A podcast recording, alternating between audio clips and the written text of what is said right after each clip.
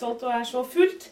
Eh, mitt navn er Marta Breen. Jeg er forfatter og eh, også journalist iblant. Skal prøve å være det i dag. Eh, som dere alle vet, så er kapittelfestivalen revolusjonær i år. Eh, det handler om opprør og motstand og seige, harde kamper. Og jeg vill vil påstå at eh, feminismen kanskje kan kalles den eh, mest vellykka Mm. revolusjonen vi har sett det siste århundret. For det er bare eh, drøyt 100 år siden at eh, kvinners eh, rom og mulighet til å delta i samfunnslivet var sterkt begrensa. Kvinner hadde ikke rett til utdannelse, hadde ikke rett til arbeid, til å mm, tjene sine penger. Eh, hadde ikke rett til skilsmisse, vi hadde ikke rett til eh, å bestemme over vår egen kropp. Eh, vi hadde ikke rett til å stemme ved politiske valg. Alt dette var forbeholdt menn. Eh, på verdensbasis så vil jeg hevde at kjønn fremdeles er den faktoren som i størst grad påvirker eh, menneskers frihet og muligheter i livet. Men mye har skjedd eh, i løpet av den ganske langvarige feministiske revolusjonen eh, vi har eh, opplevd. Og det er jo takket være alle de som har gått foran. Og i dag så skal dere få møte noen av de som har kjempa, og fremdeles kjemper, for eh, å utvide kvinners rom i offentligheten. Og det er tre forfattere som alle har opplevd å bli eh, forbilder for nordiske feminister. Uh, og jeg ber dere ta dem veldig godt imot. Eh, Ibba Ebba Witt Brattstrøm, Nina Bjørk og Susanne Brøgger.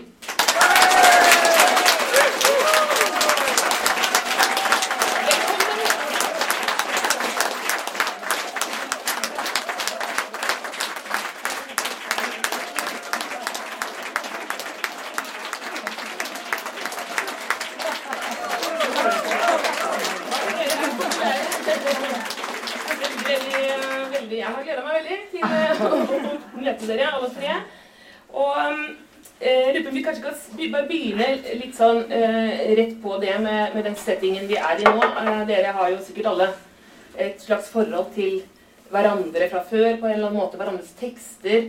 Uh, det har alltid vært tette bånd mellom feministmiljøene og i, i, de nordiske landene. Kan, kan, dere si noe om det, om hva dere tenkte da når dere ble spurt om å sitte i panel med hverandre? Nina? Jeg har kjent at är detta, denna mikrofonen fungerar? Ja. ja. Jag tyckte det var konstigt att Susanne Brögger kunde vara i samma rum som jag. tyckte det var konstigt att Susanne Brögger existerar på jorden. alltså, men du, ja. Det blir så fånigt när man ska säga så, man träffar sin idol. Så nu, nu tänker jag förhålla mig till dig som att du vore en vanlig människa. Men, äh, och, men ni båda, jag, jag, så här, jag läste Frälsarens från kärleken och Crème de här frigörelseböckerna när jag var första gången jag liftade till Köpenhamn med en vän eh, och skulle bo hos släktingar hos henne och så hade jag de här böckerna med mig och var 15-16 år. Och det var liksom de och jag blev ett i nu börjar livet, nu är jag här, nu kan allt hända.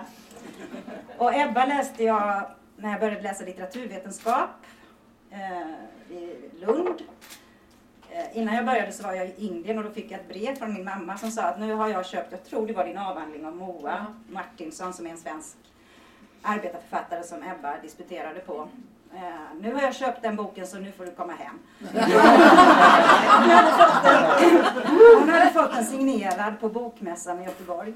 Och jag kom hem och började läsa litteraturvetenskap och då var det också en väldigt stor hjälp att Ebba faktiskt hade skrivit en sådan bok som hon gjorde om Moa Martinsson kvinnlig författare som ofta läses självbiografiskt och lite nedlåtande. Men Ebba tog verkligen hennes språk på allvar och gjorde en helt seriös litteraturvetenskaplig analys utifrån ett kvinnoperspektiv. Och det var så häftigt som ung kvinna som skulle in i akademin och se att det fanns intellektuella kvinnor.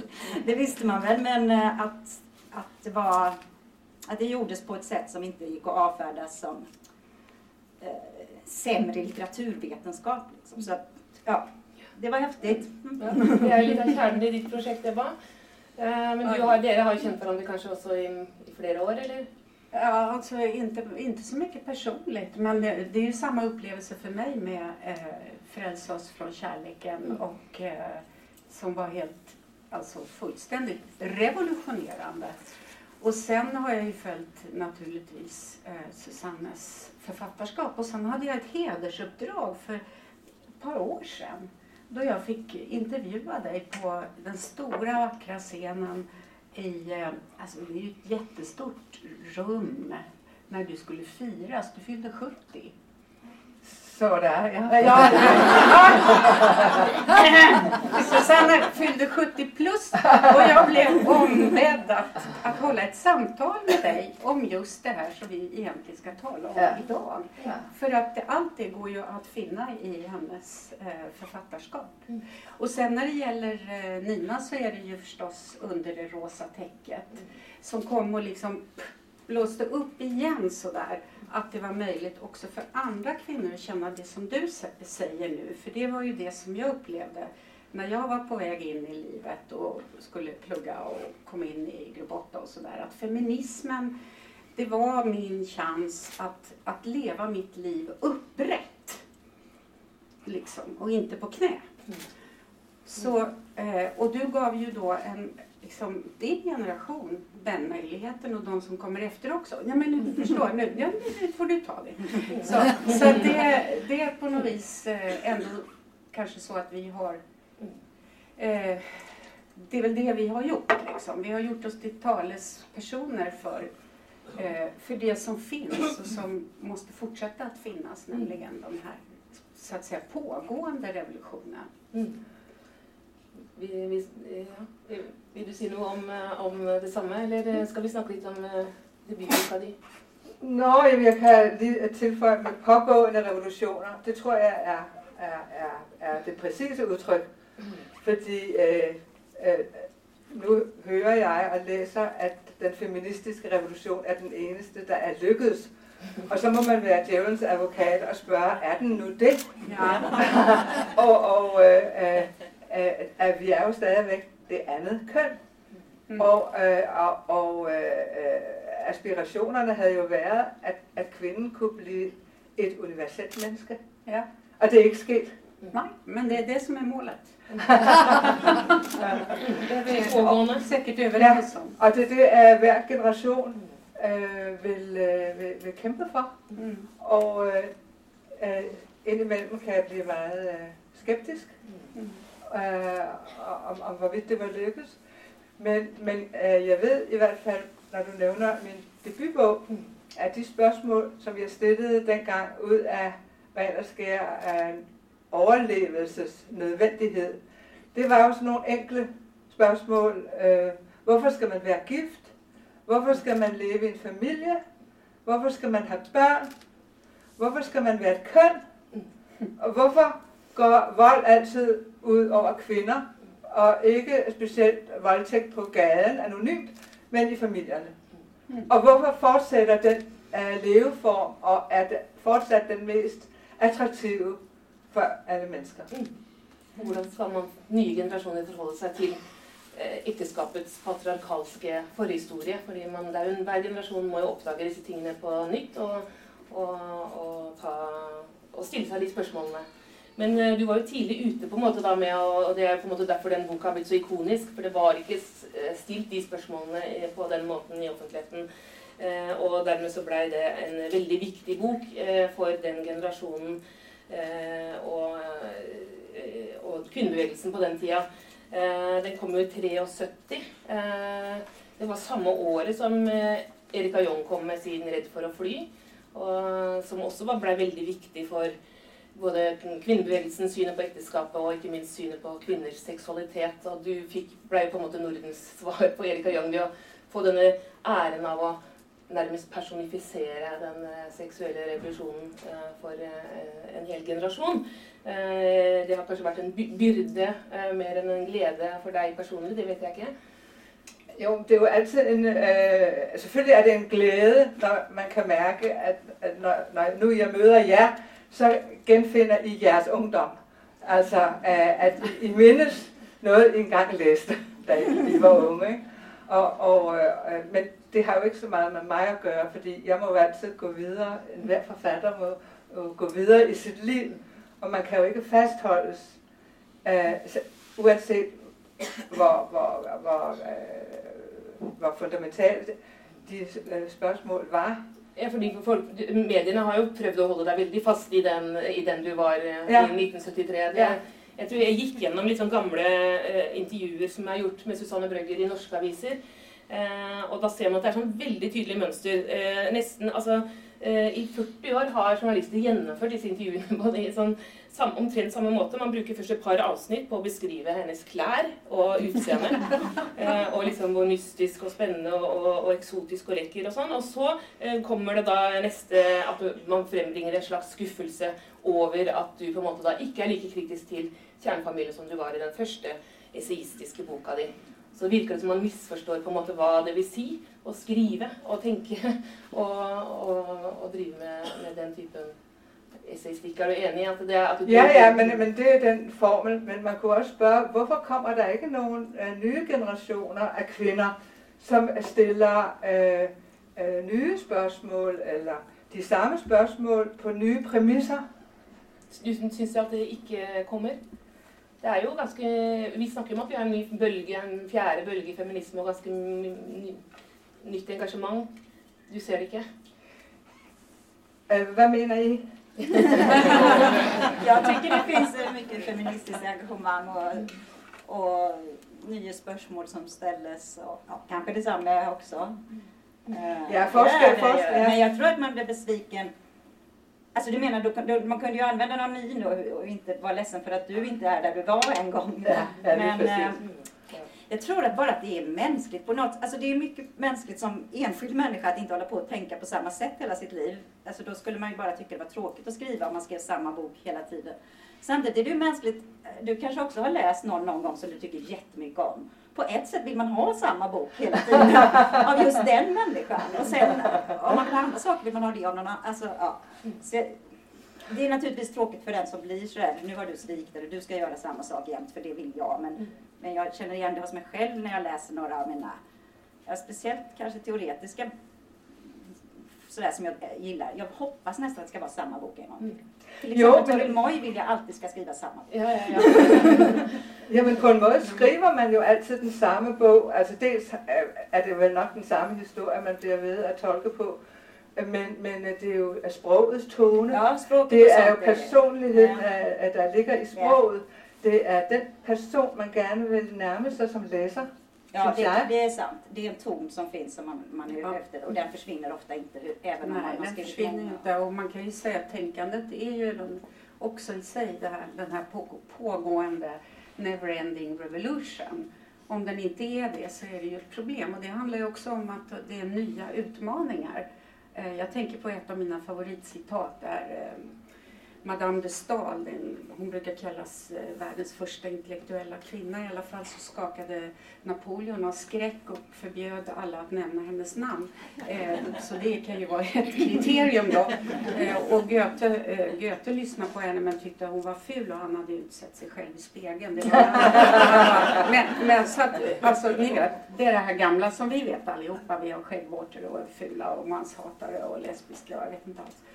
Jo, hon, hon sa nämligen att intellektet, eh, nu ska vi se om jag säger, säger det rätt här. På, eh, intellektet når sin fulla kraft först när det angriper makten. Och makten den ändrar sig, den har ju sina olika framträdelseformer i olika tider och det är därför som vi inte heller kan, kan säga att revolutionen har lyckats. Även om vi tycker, och mot bakgrund av det som du Marta sa där i början med eh, jag menar alla reformer, alla lagar. Idag är vi ju så att säga fullständigt jämställda vad gäller lagen fast den inte tillämpas eh, likadant på oss. Men eh, så, så på det viset. Men, men egentligen så har vi kommit eh, till en, så, så, så menar jag, att det, vi har kommit till ett stadium i just Norden där jämställdhet egentligen är det här som jag kallar köp en, betala för två.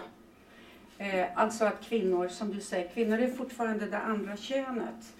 Men vi fordrar av dem att de ska, för att nu anknyta till något, något som, som jag vet att, att eh, Nina också brukar prata om. Vi fordrar dem att de ska uppföra sig som män, men vi får alla mindre betalt. Det förutsätts att vi fortfarande sköter det mesta hemma. Jag läser att det får, unga kvinnor i de här kärnfamiljerna de gör så här, mellan två och tre timmar per dygn mer hushålls och omsorgsarbete. Så att på något sätt så finns det fortfarande den här symmetrin fast vi låtsas inte om den. Kvinnor klarar ju allt. Vi har ju den här dubbelkompetensen. Vi kan göra allt som männen kan göra och fortfarande eh, förse världen med nya människor och ta hand om dem. Så, så vi har fastnat i det. Va?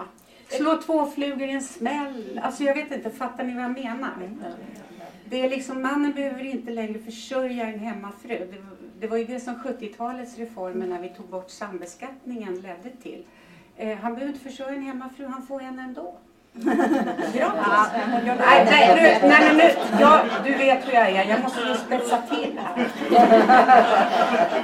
Du, får komma. Nu, hon, hon vill protestera. Ja, det, det, hon får det. Det ska du få, få lov till. Men jag tänkte bara, jag skulle Vi snackade, liksom, vi snakker litt om, om feminismen i bølger, och att uh, ting for, liksom, Dere var på något en del av den uh, andra bølgen, och så kom det kanske en bølge på 90-tallet det er litt uenighet om hvorvidt det kvalifiserer eh, som en sånn feministisk bølge, litt fordi at den kanskje var så individualistisk som den var. Og, og Ebba nevnte din eh, debutbok, som, ble, som, var ganske viktig i nordisk feminisme sånn når den kom, kom i 96. Eh, da hadde ting ligget litt sånn eh, nede når det gjaldt denne diskusjonen. fordi at eh, det er jo litt sånn at eh, ingen som har lyst til å være som mora si. så man, man, man for, det, Feminisme forandrer seg jo litt, ikke sant. Eh, og da hadde femin, ja, vi, Tidsånden gikk veldig imot det som som var, hadde vært deres prosjekt. Da. At det var litt sånn flaut å være rødstrømpe. Vi fikk veldig en ironisk tidsånd, en postmodernistisk tidsånd. Eh, og jeg husker jo selv at det var vel Jeg, jeg kommer fra en mor i kvinnefronten, så jeg gikk jo alltid i sånn 8. mars-tog. Men det, i, de, i, den perioden var det veldig vanskelig å få folk med seg på sånt. For det var så flaut å mene noe ordentlig. Eh, og liksom, Jeg husker jeg eh, sang i et band, og så var det noen som sa Det er så flaut når du synger, for det høres ut som du mener det. Føler jeg er 90-tallet i en sånn nøtteskall.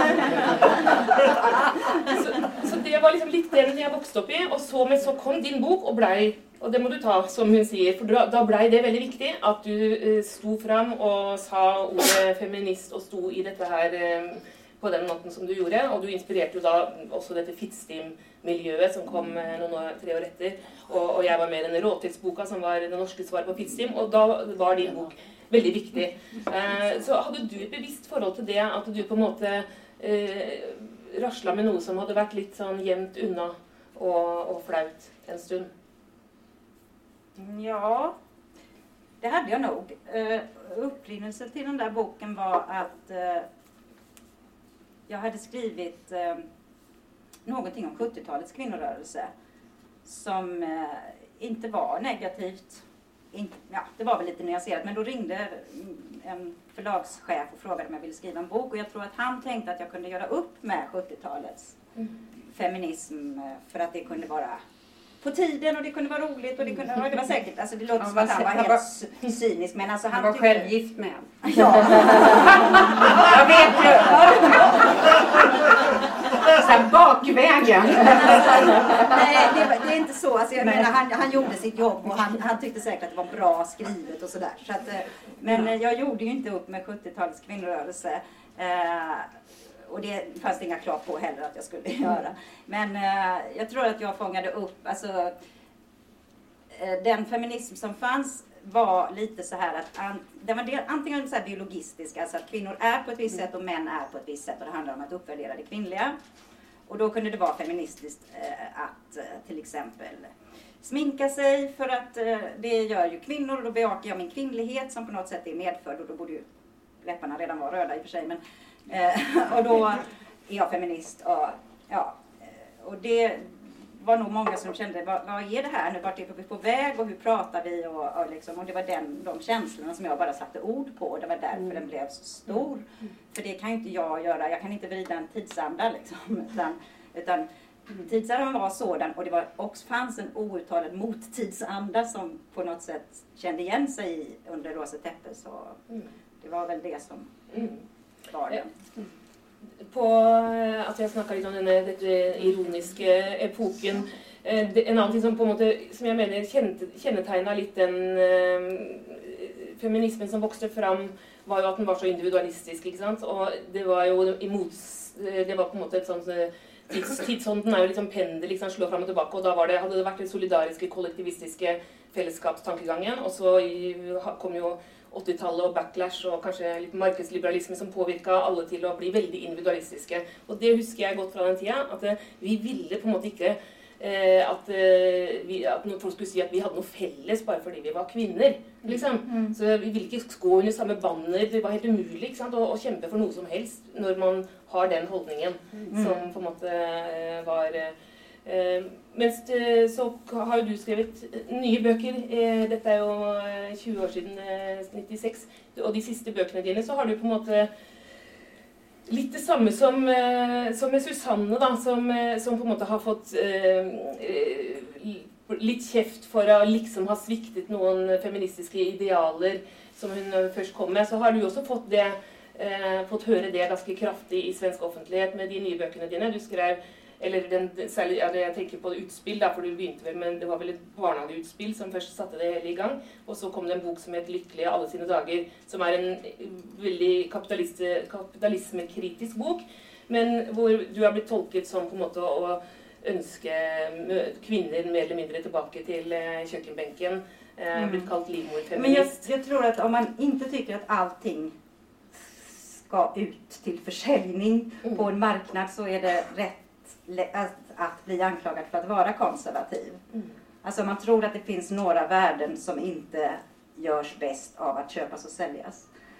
Eh, och eh, då, ja, så det gör det. Alltså man kan säga att ja, men det är ett konservativt drag för jag tycker inte konservativt behöver inte vara i sig. Reaktionärt kanske alltid måste vara ett skällsord men om man säger konservativt, vissa saker kan vara värda att bevara.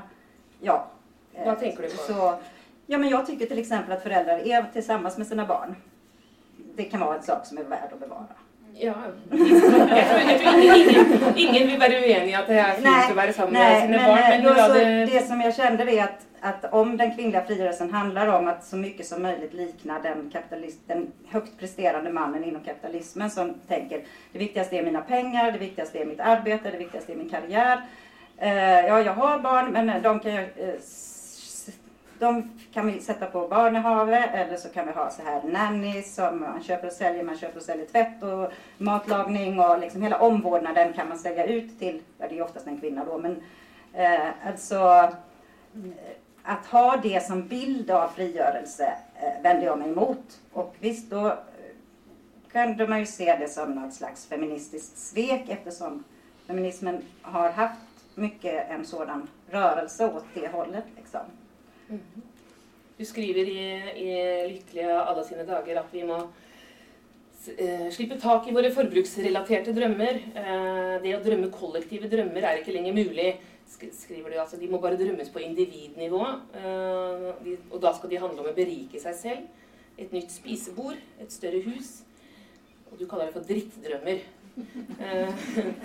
Men å drømme om fellesskap og det kollektive, en verden som tar hensyn til miljøet, som ikke undertrykker eh, vidare Det är inte lovliga drömmar idag.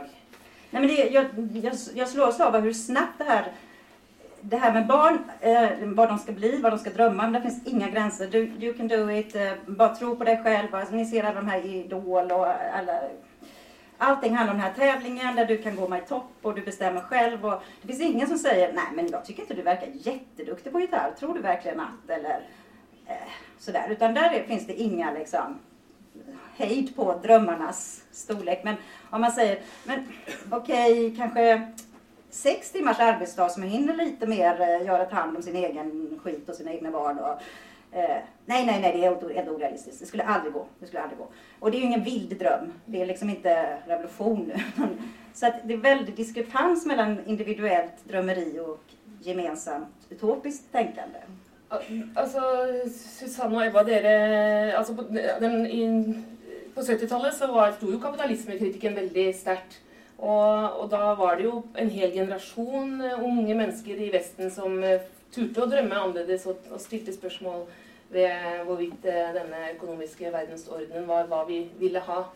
Eh, og dere, var på måte, dere kom jo fra det. Eh, men, eh, men har og så blir det plutselig sett på som veldig kontroversielt når det kommer en generation efter, Den samma typen tankegång. Är det Jamen, äh, øh, øh, i mina första böcker där jag skrev om Eros, så mente jag inte sex. Jag mente äh, förvandlingen av sex till bevidsthedsudvikling omkring, hur samfundet skulle se ut och, och hur det kunde utvecklas och hur vi kunde skapa ett annat samfund, Hur vi kunde skapa äh, øh, annorlunda ekonomiska modeller, Hur vi kunde kombinera uh, nærhed uh, og, og, uh, og, og, og produktivitet, uh, menneskelighed og udvikling. Uh, men uh, uh, jeg synes, det blev læst forkert og blev læst meget, meget småt. Uh, ikke af den enkelte læser, men, uh, men sådan i det store hele, der synes jeg stadigvæk, at Eros er mm. en utopi. Mm. Ja, men i, i det, den um, grupp 8-rörelsen, er sång Tack mödrar, det gjorde ni bra. Tack mödrar, denna mänskliga värld vill vi ha. Ja, det är ju liksom andra meningen där. Så att, uh, ja. det är inte bara att, det var inte bara ett mål att vi ska också få rätt att vara som män. Utan det var ju också att vi ska skapa en och en annan. Och den drömmen får vi inte släppa Nej, menar jag. Vi får inte bara ha det här frigörelse lika med eh, självförverkligande på arbetsmarknaden. Eller inte ens självförverkligande utan penningförverkligande på arbetsmarknaden. Men jag tänker på sex timmars arbetsdag var ju ett krav som vi hade över hela Norden. Så att säga. Mm. Ju, jag kommer ju, mitt favorit eh, köra, vi vill ha sex, vi vill ha sex, vi vill ha sex timmars arbetsdag. det fanns ju som ett slagrop. Så att, eh, hela den där drömmen om att människan skulle, eh, eller man kan säga att, att ha både och, är ju det som är drömmen. Mm. Tänker du på alltså, ekonomisk... Alltså, eh, alltså, den här ekonomiska oavhängigheten mm. är ju viktig. Mm. Eh, så att man kan gå sin väg om det blir eh, eh, våldsamt eller hemskt. Mm. Så att säga. Så att man inte är bunden av eh, sådana skäl. Mm. Det var ju en hörnsten. Mm. Kvinnor skulle eh, så att säga kunna känna till sitt uppehälle och även kunna försörja eventuella barn. Mm. Så det kan man ju inte komma förbi att det var, det var ett steg, ett viktigt steg på vägen. Mm. Men uh, så kan det bli, virke litt urettferdig, tenker jeg. ikke sant? At feminister kanskje opplever det som litt urettferdig at uh, deres frihetskamp, da, som da for Ja, det har handlet om å få de samme rettighetene som menn. Mm. Og så kom, kom, får man nå høre fra Eh, det, at vi er med å opprettholde Eller altså det at vi har begynt å tjene penger, og at, eh, vi har, at det er turbokapitalisme, og at alle husholdninger da har to fulle lønner, og at vi har eh, hus som koster mange millioner kroner. Så som, altså at det på en måte blir feminismens skyld. da. Det blir jo på en måte da det, hvor, ja, Hvis du skjønner at jeg tror at derfor reagerer mange litt negativt når eh, den nye eh, omsorgs men vad har man för historiesyn då? Mm. Alltså det var väl klart att det var nödvändigt att kräva de här sakerna och erövra. Tänk så, in, alltså, jag vet inte, du var lite skeptisk till hur det varit en revolution. Men, men tänk att erövra alla de här sakerna med, som vi har gjort. Liksom. Eh, det, det, var ju naturligtvis eh, historiskt nödvändigt. Vi skulle bli människor. Men människan var efter mannen. Eh, men till slut så måste vi fråga oss, nu har vi uppnått det här. Eh, vad är nästa steg? Mm. Jamen, jeg synes, at næste at skridt allerede er i fuld gang, og det er den globale feminisme. Og det er takket være, mener jeg, øh, øh, den nordiske øh, feminisme, øh, og, og, og alle generationers nordiske feminisme, som øh, faktisk er blevet en idé, der er øh, accepteret på verdensplan, mm. og som er et af, af verdensmålene nu. Øh, både både øh, øh, lighed og, og og, og når det gælder dødelighed af, af ved fødsler, og kvinder dør, og spædbørn dør, og at, at piger skal i skole, og piger og kvinder skal uddannes. Og det, det er blevet et verdensmål, og, og den tanke var jo ikke uh, aktuel for uh, 40 år siden. Mm. Men eh, du, Susanne, du skriver i, i Klassekampen i dag at vi lever i også i en reaksjonær tid. Altså, dette, altså, ting går jo bakover. Ja, mm. men det, det er totalt reaktionært, altså, spesielt selvfølgelig fra Amerika, hvor Trump har trukket alle millionerne tilbage fra alle de NGO'er, som øh, arbejder med kvinder, øh, for øh, udviklingsarbejde for kvinder, hvis der er den mindste øh, øh, tanke på øh, abort. Mm. Mm. Og, og der, der abortspørgsmålet kan indgå i de fleste øh, kvindeagendaer, så øh, er alle millionerne trukket tilbage. Mm. Men til gengæld så har de nordiske lande nu gået ind og, øh, og, øh, og, og, og udfyldt det tomrum. Mm. Men det er jo klart, at det er et, øh, et tilbageskridt. Mm. Fordi, men der var også en hollandsk øh, minister, øh, som øh, øh, lavede, tog initiativet til, der hed She Decides. Hashtag She Decides. Mm. Så der er, der er sådan en kamp, der foregår nu mm. på verdensplan. Mm. Og, og det synes jeg er et fremskridt. Det er fremskritt at det jobbes mye med, men vi ser jo at f.eks. abortrettigheter er på, under sterkt press i veldig mange land, også i Europa. Så det er jo som du sier, at det er en kamp som, eh, som er høyaktuell og pågår rundt oss i Polen og Ungarn og Russland og USA.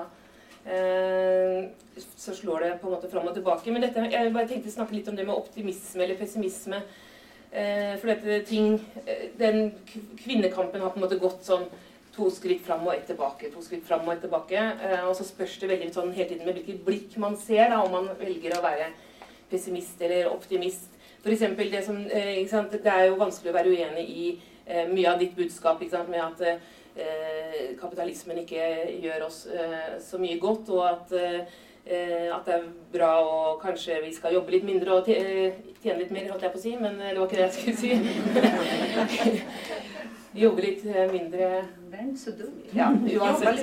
Være litt mer sammen med familien sin. Budskapet. Ja.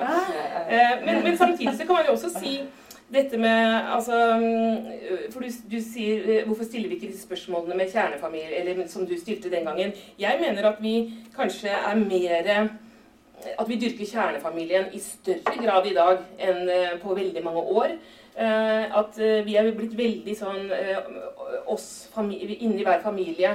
At hvis man ser liksom på familien som et, sånn, et hus, så føler jeg at på 70-tallet så slo dere ut veggene i det hjemmet. Så da var idealet virkelig å engasjere seg der ute i samfunnet. Og være en del av det politiske eh, bildet og sånn. Mm. Og eh, det var jo også da sant, at man fikk barnehager og begynte å eh, Kvinner gikk ut i arbeid. Eh, man skilte seg jo over en lav sko. Men det, det, var på en måte en del av, av prosjektet ut. Og så har min generasjon blitt veldig opptatt av å trekke disse veggene tilbake. Og det er veldig sånn eh, å male dem med sånn eggehvitskallfarge. Eh, skrive 'Home Sweet Home' på veggen. Så vi lägger ut det på Instagram. ja, men det borde vara, jag tänker att det borde vara så att ju otryggare man blir i, när man, det liksom, eh, när välfärdssamhället monteras ner och olika försäkringar, arbetslöshetsförsäkringar, sjukförsäkringar och så blir osäkrare, svårare att få lägre, så eh, borde ju rädsla öka och rädsla borde göra att eh, här, här och så stänger jag till liksom. Mm. Fast eh, ja, man måste ju engagera sig politiskt om man vill ha bort de där sakerna. Men så det borde vara en naturlig reaktion på sätt och vis. Och jag kan hålla med om det där att man eh, skriver Home Sweet Home och har, men samtidigt har man inte tid att vara där. Alltså man lever inte familjeliv mer än vad man gjorde på 70-talet. Eh, man köper ju mycket mer hämtmat och man eh, har satt in de här eh, köksöarna där man ska kunna umgås, men man hinner inte göra det. Liksom. Så det är väldigt, det är både och. Ja. Mm. Du, du, er jeg har, jeg har, litt sitater, for jeg syns dere har sagt så mye klokt før også. Så, men du Susanne, det, det, var da jeg lurte på om du var veldig pessimistisk. Da, for du sa i et intervju dag kan man se rødstrømpenes døtre bli til kunstige Botox-kvinner. De bruker all sin tid på å være attraktive og er helt likeglade med krig og at hjemløse sover på gaten. Og så fortsatte du. Det var hårdt. ja, det var hardt. Vi har fått en ny type borgerskap som fokuserer med å diske opp med kulinariske retter i sine interiørdesignede hjem, og derved beskytter seg mot verden. Har jag sagt det? Ja. det har du sagt.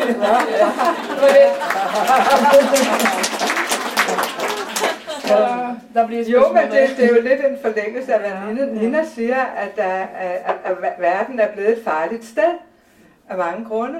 Farligere, Ja. end det var tidligere.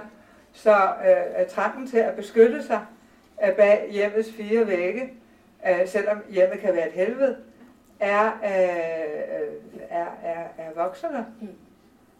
Ja. Um, Men og også, øh, jeg ved ikke, samfundsengagementet, det findes vel nok, øh, øh, men øh, som individuelle stemmer. Øh, der er ikke, altså der er, der er ikke nogen fælles bevægelse, og hvis der er, så er det jo en højre radikal. Ja, det Eh, finns en eh. stark antirasistisk rörelse som jag nog skulle säga är den, är en, den sociala bevägelsen just nu i, i Sverige I alla Sverige i hvert fall. Mm. Ja. Eh, Øh, antirasistisk. antirasistiska Ja. Ja, der er også nogen, der skal marchere i Göteborg på lørdag. Mm, det är rätt många som ska på båda sidor. Ja.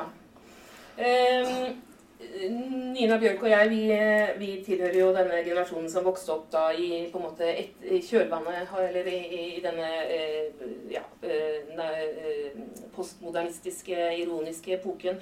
Eh, som du skriver grann om i din eh, bok som kom for to-tre år siden, Ebba, som heter 'Stå i bredd'. Jag? Ja, Jaha. om postmodernismen. Hvordan Ja, den postmodernismen. Ja, men det hvordan var ju- den tidsånden påvirka synet på både på 70-tallets kamp og på Ja. kvinnelitteraturen, som, eh, som var et, eh, et eh, ord man eh, kunne bruke med god samvittighet på 70-tallet. I min generasjon mi- misliker jo det begrepet veldig sterkt, for ingen som har lyst til å skrive kvinnelitteratur.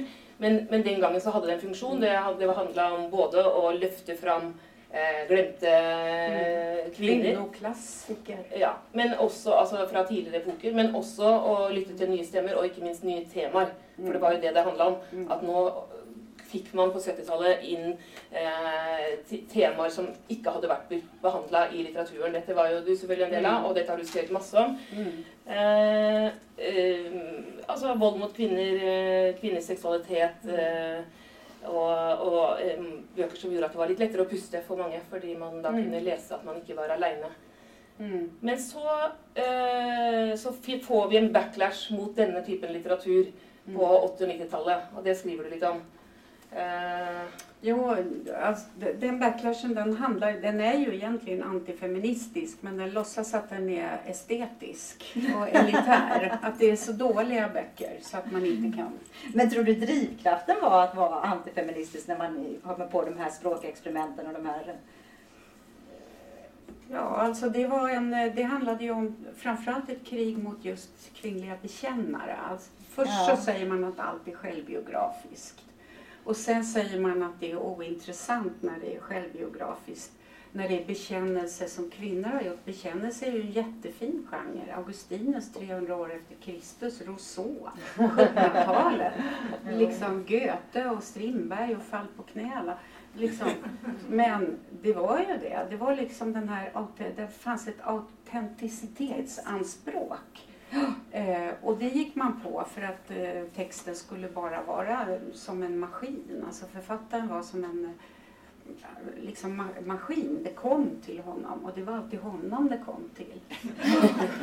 Så Och det det fanns ju ett starkt utan det skulle handla i språket. Det var i språket som i det hände språket och- hände ja, allt. Och, ja. och problemet var ju att eh, eh, det fanns ju heller inte någon eh, ordentlig eh, namedropping av kvinnor utan det var ju bara män som namedroppades. Så att man som rätade upp den litterära institutionen på ett antal tunga manliga namn eh, som hade funnits i tiden före och här kommer vi och vi är liksom eh, deras eh, vi måste nu komma, vi är liksom det som Hamlet var och Cursed spite that ever I was turned in Den- Denmark. Det, det var därför jag tänkte there is something rotten in Denmark.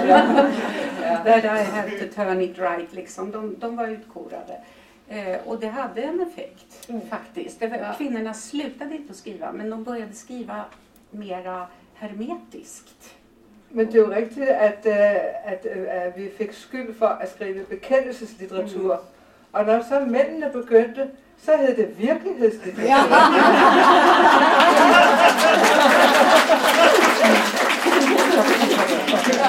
altså, ja.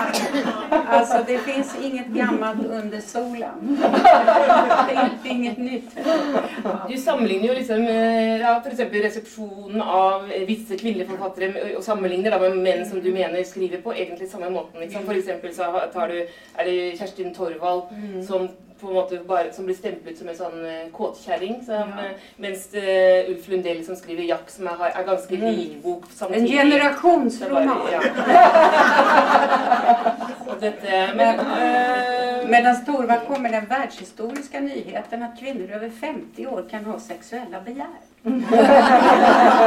hade man aldrig hört förut.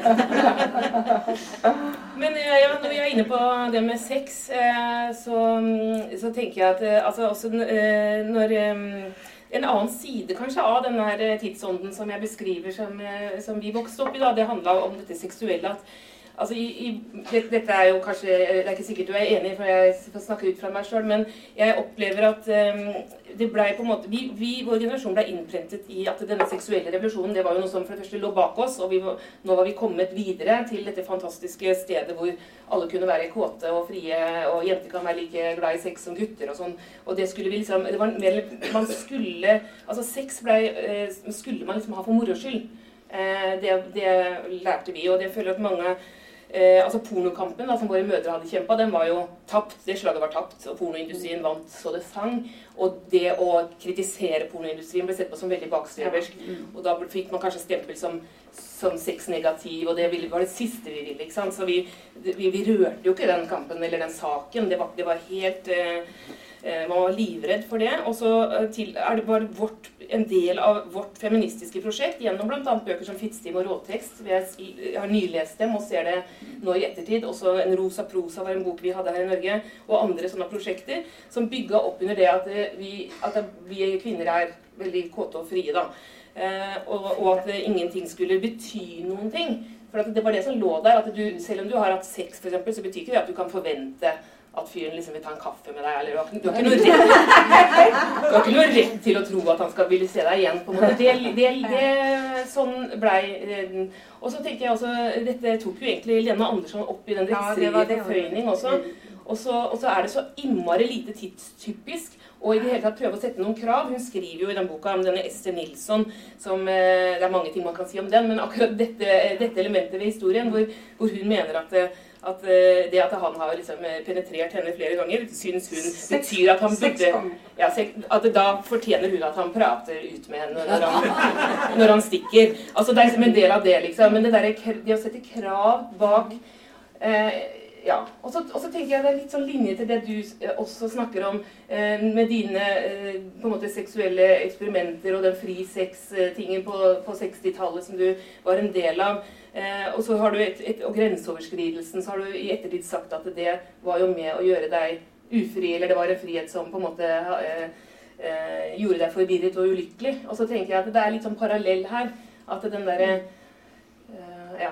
Er det noen som Men känner ni till, har ni läst Lena Andersson här i Norge också? Ja. Så ni känner till den? För jag är ju oenig med dig där. Ja, jag gick ju ut. Jag tyckte inte att hon hade rätt att kräva att han skulle dricka kaffe. Jo, kanske att han skulle dricka kaffe med henne. Men liksom, jag tycker att hon tyckte att vi har legat med varandra. Då ska du vara kär i mig. Nei, det, ja. ja det, som jeg det sa, det mye man kan den Den det tyckte det var inte du. Nu måste jag, nej, jag tycker det var intressant att hon lyfte det. Att du har varit inne i min kropp, skriver hon. eh, Att Ester säger till Hugo Rask. Det ger liksom mig några rättigheter. Att du talar om för mig vad du tänkte med det och varför du inte vill fortsätta. Ja, det- var ju helt revolutionerande. Eh, och det gjorde ju på något sätt, det var ju för att hon inte, hon, och hon skriver också, jag skulle inte kunna, tä- alla hennes väninnor, väninnekören säger, shh, man kan inte. ikke det. Nej, det, det är pinsamt. Och så, men jag kan inte... Varför ska jag tänka att min kropp inte är värd någonting? Alltså, jag måste ha respekt för min kropp. Det är mina Ja, men det var ju erfarenheter. värt att Och han då- ville ligga med henne och hon ville ju ligga med honom också vid det tillfället. Det betyder ju inte... Sen kan man naturligtvis tycka att man kan fråga, vill du ha en fortsättning? Men om han säger då nej, det Jo, men vill det jag inte, då har inte han gjort något fel. Nej, men vi kan tycka olika. Ja. Men alltså, det intressanta var att när hon berättade för mig, Lena, att hon blev helt chockerad av när hon, hon var ute och pratade. Det var jätte, alltså, jättestort intresse ju för den här boken. Den vann, ju också Augustpris. Så hon, hon står där och berättar det här och så får hon väldigt aggressiva, kan det finnas då, inte alla, men några är väldigt aggressiva kvinnor som säger liksom att hon, Ester Nilsson är förfärlig, jag avskyr Ester Nilsson. Hur kan hon göra så mot den stackars fina mannen? Och, så här, och hon bara fattar ingenting. Sen åker hon till Mexiko, där har, för den översätts eh, där och då har hon en publik som naturligtvis består av medelklasskvinnor. Eh, för Mexiko är inte så trevligt annars. Eh, för kvinnor vet vi, för alla kvinnor. Så då, och de tycker liksom, ha! Mm. Helt rätt, skär av honom kuken. alltså liksom, och vi bara eh, nej men det brukar vi inte göra i Sverige. Hon ville bara ta en kaffe. Så att det kan vara så helt olika. Eh, och det beror på att vi har gått in i det som jag, jag har ju en, en teori om det här med, med den sexuella revolutionen parallellt med den feministiska revolutionen. Och det är att den sexuella revolutionen har vunnit och den feministiska revolutionen står och stampar. Och den har fortsatt, den har funnits sedan det moderna genombrottet. Det är Brandes och Strindberg och kompani. Jag tänker litt som med Danmark. Liksom. Danmark och Ibsen på rätt sida. Ja. Danmark var på en måte ledende i altså vi, Det var en feministisk ledestjerne på 60-70-tallet, mens nå ser vi det motsatt på det. Nå, nå, er det på en måte Nå ser man på at det er eh, i Danmark? Ja, det, det, danske feministmiljøet på en måte I hvert fall så sier de danske feministene jeg har snakka med, at det Eh, Eh, ligger lite uh, nede. Och så är det några teorier om detta. Nå ska jeg bare den teorin som Emma Holten, en ung svensk uh, dansk uh, feminist ung, hva sa jeg, svensk-dansk? dansk feminist hade. Och det var att, um, noe av grunnen til at hun trodde att det ikke at det sto litt dårlig til med den danske feminismen, var att den var knytta så väldigt starkt till det sexuella revolusjonen og, og, og, pornokampen og friheten og sexpositivismen. Eh, og at det på en måte eh, hadde pekt ut en, at nå var det veldig vanskelig å si noe annet i dansk offentlighet som på en måte av de, de, och därför kan de ha tv-program där två män sitter och tittar på kvinnor och bedömer deras kroppar. Mm. Ja. For, det, altså, at de vil ha sex i Danmark. Det har jo veldig mye sammen. Ja, ja, ja. Så det er en del ting som vi blir overrasket over, sånn som du forteller om det programmet. For eksempel, og sånne diskusjoner vi ser at det, Jøsses! Eh, så uh, driver de med det i Danmark også. har du noen uh, tanker om det?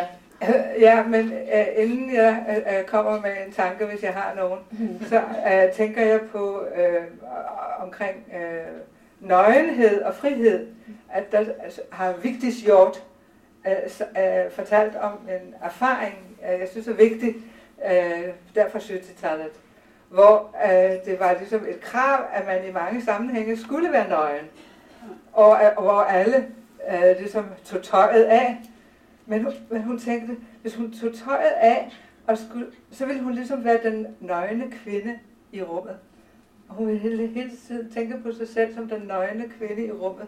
Hvis hun så skulle sidde og, og tale om Søren Kierkegaard, som den en nøgne kvinde i rummet, så ville hun føle sig fuldstændig ufri.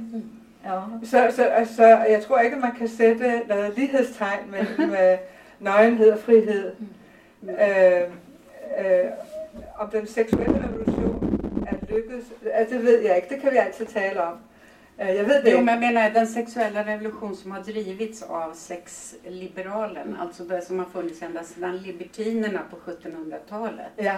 Och som sen blev sexradikalismen och som handlade om också gratis prostituerade kunde man ha som förslag i Sverige till, till, eh, till män.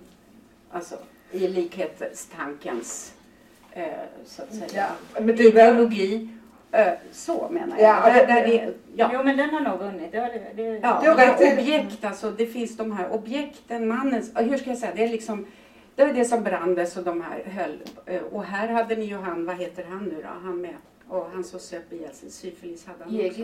Nej, Nej han. Ja, nu kommer strax. Ja precis, Fra Christiania Bohema. Ja. Just det, alltså fri tillgång till, för varje, varje mans rätt att ha fri tillgång till eh, att kunna tömma sig i vilket sexualobjekt som helst som han väljer. Det är så att säga, den sexuella revolution, den definitionen ja, av det har vunnit. Det är ju också att kvinnors lust erkänns och att inte kvinnor ska behöva känna sig som slampor för att de ligger runt. Att man kan ha ha fria förhållanden. Alltså det är ju inte bara det är ju männens mycket positivt som, har, eh, ja. som det har fört med sig. Men, och sen att man inte skiljer på att tycka om sex och tycka om prostitution. Det är helt sjukt. För prostitution är ju att inte tycka om sex eftersom man har, har pengar inblandat. Så att, ja, det behöver inte gå hand i hand liksom. Men jag tror, jag tror att du har rätt i att alltså jag menar också nät, nätporrens utbredning och den blir våldsammare och våldsammare och så vidare. Och vi talar inte om den. Och det gör unga kvinnor så illa. Men jag menar att äh, øh, alltså i Danmark där syns man att Sverige är feministiskt och det är det värsta man kan vara. Svenskarna menar att Danmark är fascistisk øh, äh, och det syns danskarna är bättre.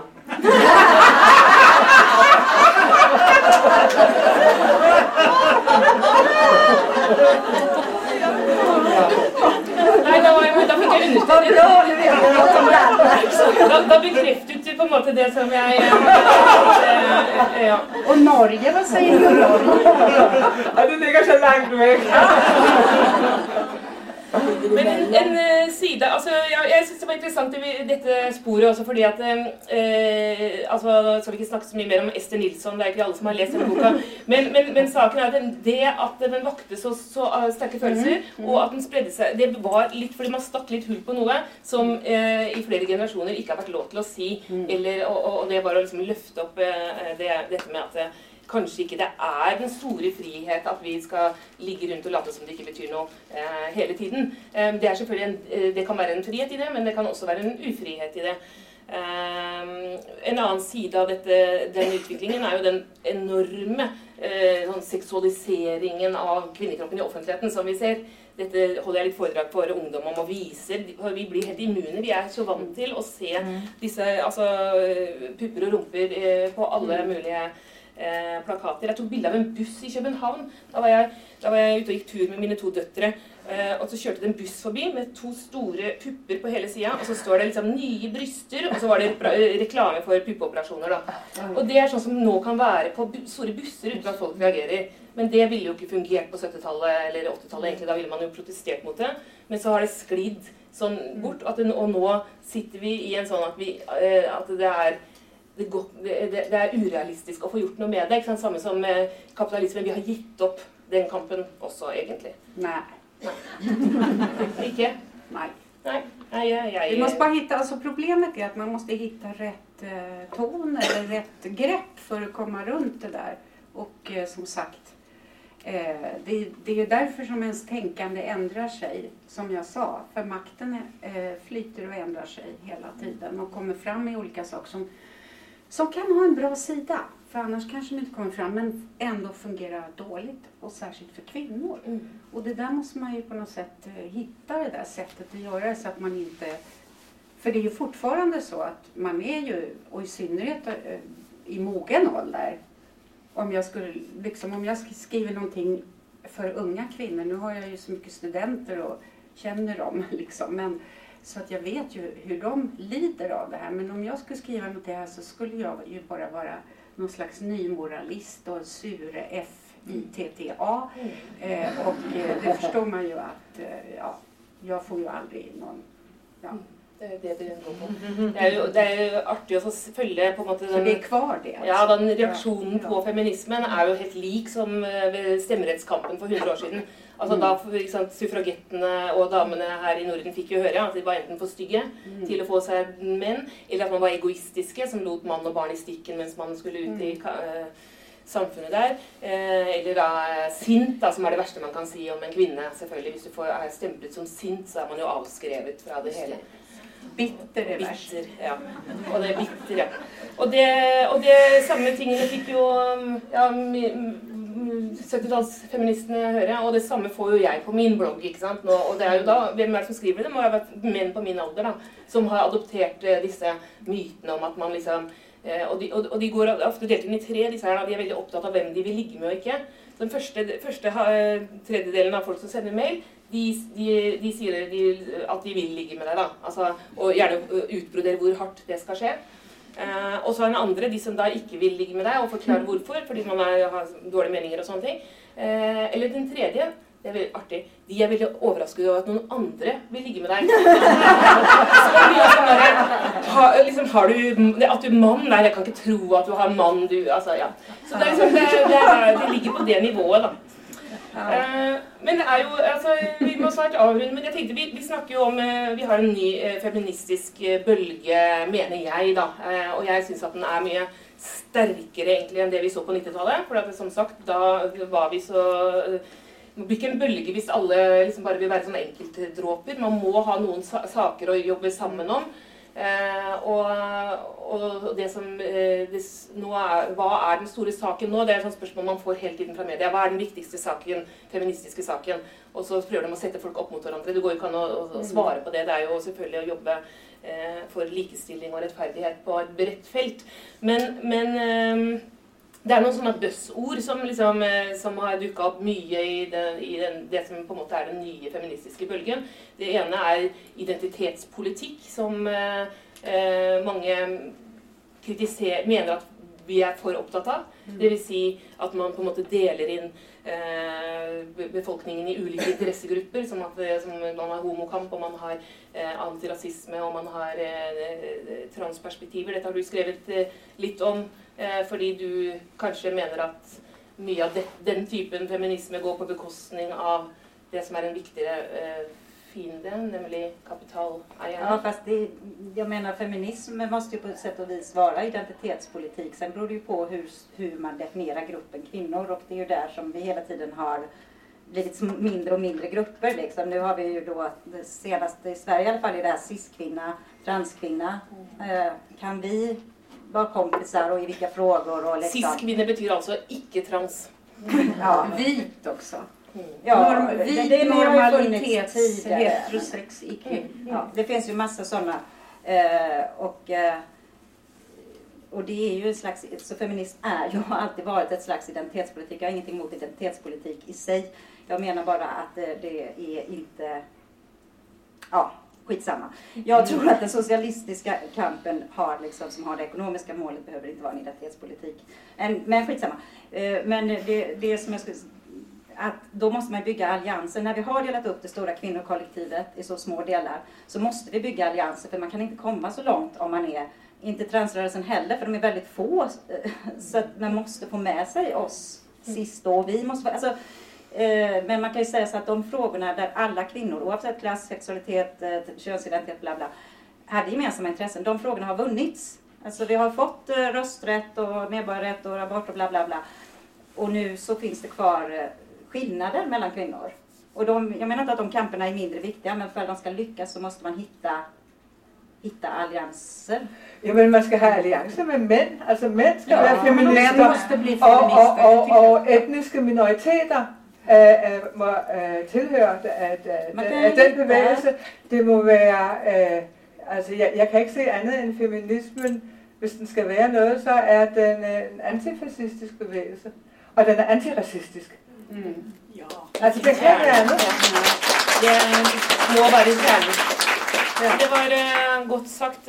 Jeg tror eh, eh, som vi var inne på dette her, at eh, ja, tidsånden den endrer seg hele tiden, og det er nye, stadig nye problemstillinger. Jeg er veldig opptatt av at man ikke skal avvise andres kamp eh, hele tiden. Så jeg opplever at veldig mange kritiserer feminist, er opptatt av hele tiden Vi skal ta et oppgjør med feminismen hele tiden. Og feministene er, de er alltid litt feil. De er alltid litt for hvite eller litt for middelklasse eller er litt for opptatt av eh, språk eller litt for akademiske eller, eller sånne ting. Og så, tar vi, og, så, og så tror man at det bare er plass til én kamp om gangen.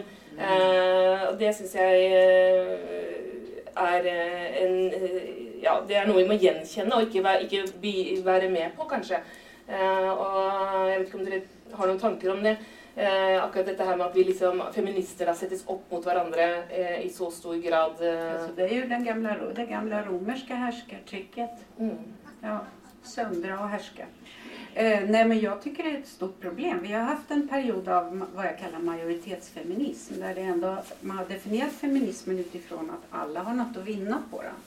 Vissa lite mer och andra lite mindre men alla kvinnor vinner på den. Eh, och nu har vi väl slags eh, skillnadsfeministgrupper. Vi har feminismer. Och för mig som är så här gammaldags så har också har, har ju eh, forskat så otroligt mycket i, i eh, historiska kvinnor. I de, Eh, är de som har skrivit liksom hela vägen eh, från i vår, i vår del av världen är det ju från heliga Birgitta, 1300-tal och framåt. Så att det liksom, jag måste säga att eh, jag, jag, kan bli lite pessimistisk när jag tänker på det. Att, eh, att det finns, precis som, som Nina säger, alla de här skillnaderna som vi är så upptagna med att debattera och att man verkligen måste hålla ihop. Man måste så att säga ha systerskap i överförd bemärkelse som ett politiskt redskap. Man behöver inte älska varandra. Man diskuterar diskutera med varandra men man behöver inte älska varandra. Men man kan inte gå ut liksom och, och, och vara oenig utåt för då kommer vi ingen vart. Och det vi har, verkligen har kvar det är ju arbetsmarknaden. Det är ju de olika löneskillnaderna som finns. Så det är ju inte så mycket som är vunnet. Och sen jo, har vi det här med kroppen Vi har ju mindre lön, men de här grundläggande rättigheterna. Det är det jag menar, då var det ju enklare att hitta de här majoriteterna. Det var ju de facto så att ska du få rösträtt så spelar det ingen roll om du är mm. hetero eller homo eller överklass mm. eller arbetarklass. Mm. Eller vad, liksom, det är ju en jätte... Så de är ju ändå vunna. Sen har vi fortfarande mm. lägre lön och vi har liksom hela mm. kulturvärderingen av kvinna respektive man är ju olika. Och, Sämre av allting. Sämre sjukvård, sämre pensioner, sämre, lite sämre allting. Det, kvinnan är en lite sämre man. Lite sämre. ja, men varför, varför äh, kan kvinnan aldrig bli ett suveränt universellt människa? Varför är kvinnan ja, fortsatt att den anden? Och jag, jag, jag är bange för att, det, att, att alltså man kan föreställa sig att det är för att kvinnan kan penetreras och kvinnan föder barn. Kvinnan är ett såret menneske, som er, er både frygtes og hades, øh, og øh, kan aldrig blive... Jo da, jo da. Jo. jag, jag tror ju... Men, men jag, jag tycker bara jo, jag har inga argument men jag känner bara att jag vill tycka så. Men vi måste, det är precis, jag måste bara understryka det som, som Susanne sa. Att det, jag tänker mer och mer på det. Att feminismen måste bli en sak för, för män också. Alltså vi kommer ingen vart om inte männen är med oss. Så så enkelt är det. Da tror jeg vi kan runde av med å si at vi er pessimister og optimister. Ja. og eh, jeg vil takke dere alle tre for eh, denne samtalen og for alle bøkene dere har skrevet, og alle de dere skal skrive i årene som kommer. Tusen, tusen takk.